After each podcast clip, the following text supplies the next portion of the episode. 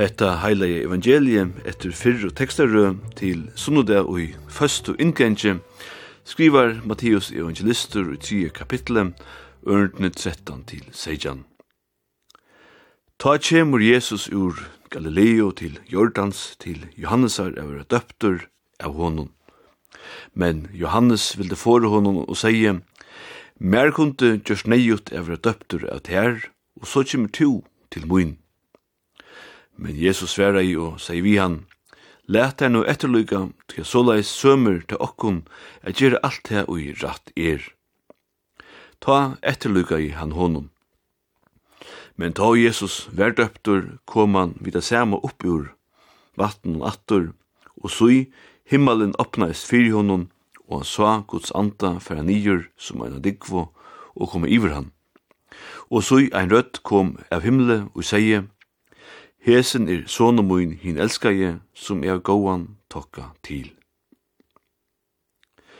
Ta ui rithøvunden Vaslav Havel, fyrirande samvisku fengi og sætne tjekkiskur forsøtte, eina fyr fekk sonning heierslønna og kjeppana hannar universitetet, helt han eina røvu om te og han kallaði maktarinnar fresting. Her greit han fra gosse forsetin og innan lande, nøyist at heva nokkur ser rattende. Ein forsete skal ikkje bruka til nekva tøyina og i bøyrumnum tja lakna. Ein forsete er heller ikkje nøytur a standa og bøy etter bussunum, men hever all oftast sin egna bil vi sjaføre. Hette er ikkje bæra tøy at forseten skal spæra tøy, men tøy at landet skal spæra tøy, det er ikkje bare tøyen tja honom, eller henne, men tøyen tja landen så fyrt til spittles, om boja skal og lunge. Hette er ui sjálvun sær ikkje nekka trubeleitje, men trubeleitjen kjemur om tei privilegie som fylgja vi valdenon vera skumpa iver ui privatluive og såstatt misbrukt. Sjálvur vilde Vaslav Havel korsne vera vi ui røvne at Mittlen hans herra mongo, kjeli og eleikar vanta i tui betur ein, nemliga langslin etter makt, etla kærleikin til makt, som han tok til. Det sier Vasla Havel og Gjødleføren sjolvor, og tui metti han at hentan støvan gav honom et større fralse enn om han hei troa meire etter valde enn godt vær. Og i pratikoteksten til morgen ber til å si at makt og eimjukleitje ikkje alltid er og motsetningar, men vi først kunne høyra saman. Hóast ikkje atler ta fyra listan listanir i Nudja Testamentet gjerra så negv bursur ur dopen og tja Jesus nevna atler dopen. Og tekstrin i morgen er tidsin ur evangelien og tja Matteus som helst er vore til i einun jöta kristnun kyrkjelige i Syrio umlai år furs til halvfems. Tekstrin i morgen enda vi at ein rødt av himle og seie Hesen er sonomun hin elskaje og i av gåan tokka til. Og i beinleis kan sipa til, kjente ørende og i øren solme og i gamla testamentet, og i vanliga verur møtter som ein solmor, og i var bruktur i samband vi at ein konkur steg av tronene. Hetta ørende var så kalla messiansk mål, nusla, ta i tøyene, og Matteus hever ikkje ver i iva om at Jesus vært han jødiske messias. Hinvegin kan det hava vært trobult tja Matteus at greit synun jøta kristnu lesar um fra at Jesus ikkje var nekkar politiskur messias og i lese fresta av maktene, men heldur var ein messias er meira eimjukun slæge.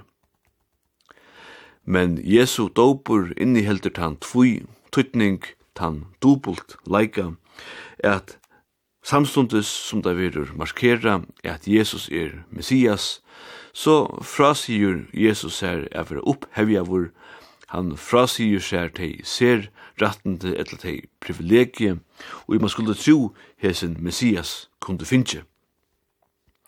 Men det gjør det Jesus omgantøy, hovast folk, og i hans herre samtøy vanta og tea.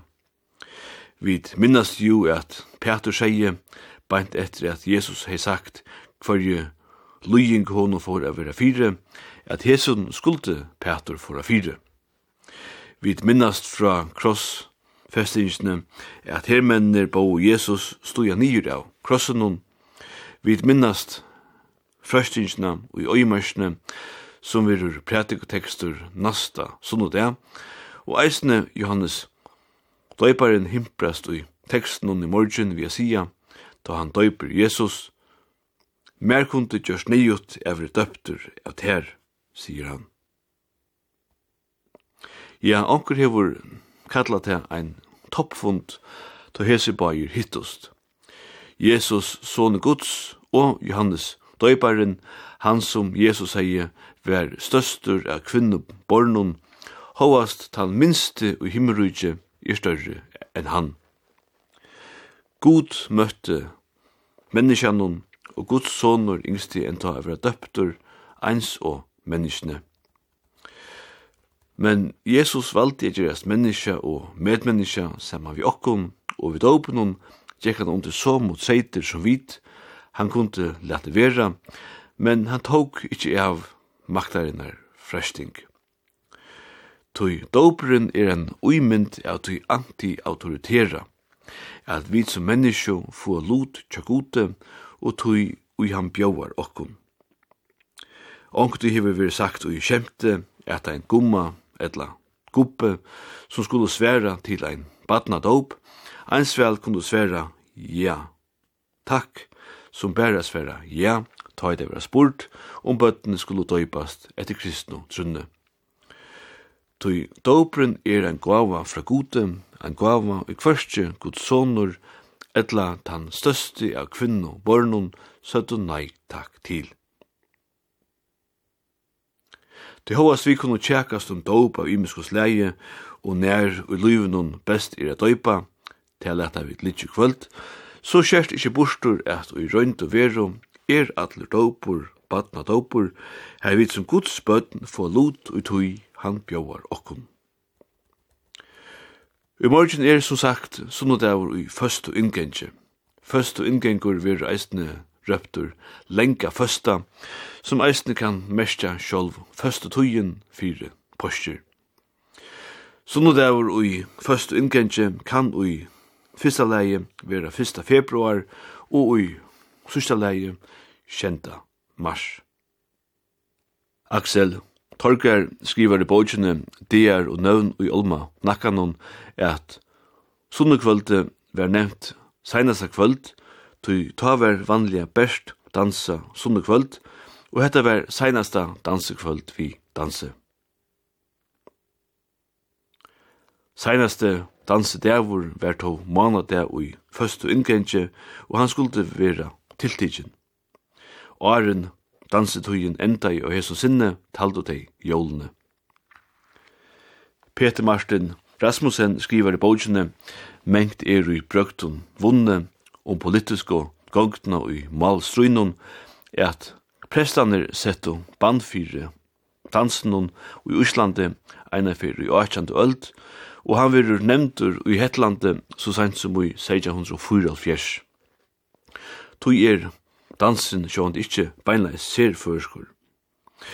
Skrivligar kjeltur til dømes Lukas Depes og Svapo vita anki om å sia at talan hefur verið um eina ærmarskaja dansetui, til å si at ikkje skulle vera dansa i føstu. Hinvegin nevner Lukas Depes best at dansa vera av jólun og i brittleipun, som sambart kyrkjebokunun all oftast voru i november, desember. Kvøying og dansur hava tovir pastor av ærmarskaja underhaltnum i gamlo røkstovne, men røkstovu, luive dettur så å sige borsen middelen ta skipsfiske veian teker seg opp av olvara. Og helst hava bøndener og arn hetta helst vilja ærmarska dansetøyina, så tøyin ikkje vær spilt borstur vi danse. Prestane var jo eisne bønder, så tær var i parste, og tøy kunde føstan fra gamla tøy vera brukt som godfrølig grundgjeving fyrir at hesa tøyina skulle ikkje vera dansa, skrivar Peter Martin Rasmussen. Nu byrjar som sagt førstan, etla, det gjer no i kommande vikon, og vi enda kvalt vi kjenta første solmenon, hilda i frelser og forsoner etter Grundtvig, etla heilur, frelsari og kristur, som han eitra førskon. Opptøkan er av fløvne Deinens favoritter, dekneren i Holmens kyrke og i Kjeppanhavn Anne Kragsberger Løgstrup, helst så nekve av kyrkjekåren her, Holmens kantori, at hun sjálf futjaje opptøknar til henne fløvo vid heimun. Vi tøyra Holmens kantori, Jakob Lo Rensen arrangera i og spalte i Fredrik Schöning sang bariton solo, Hildai frelser og forsoner. Gåan, sånn og det.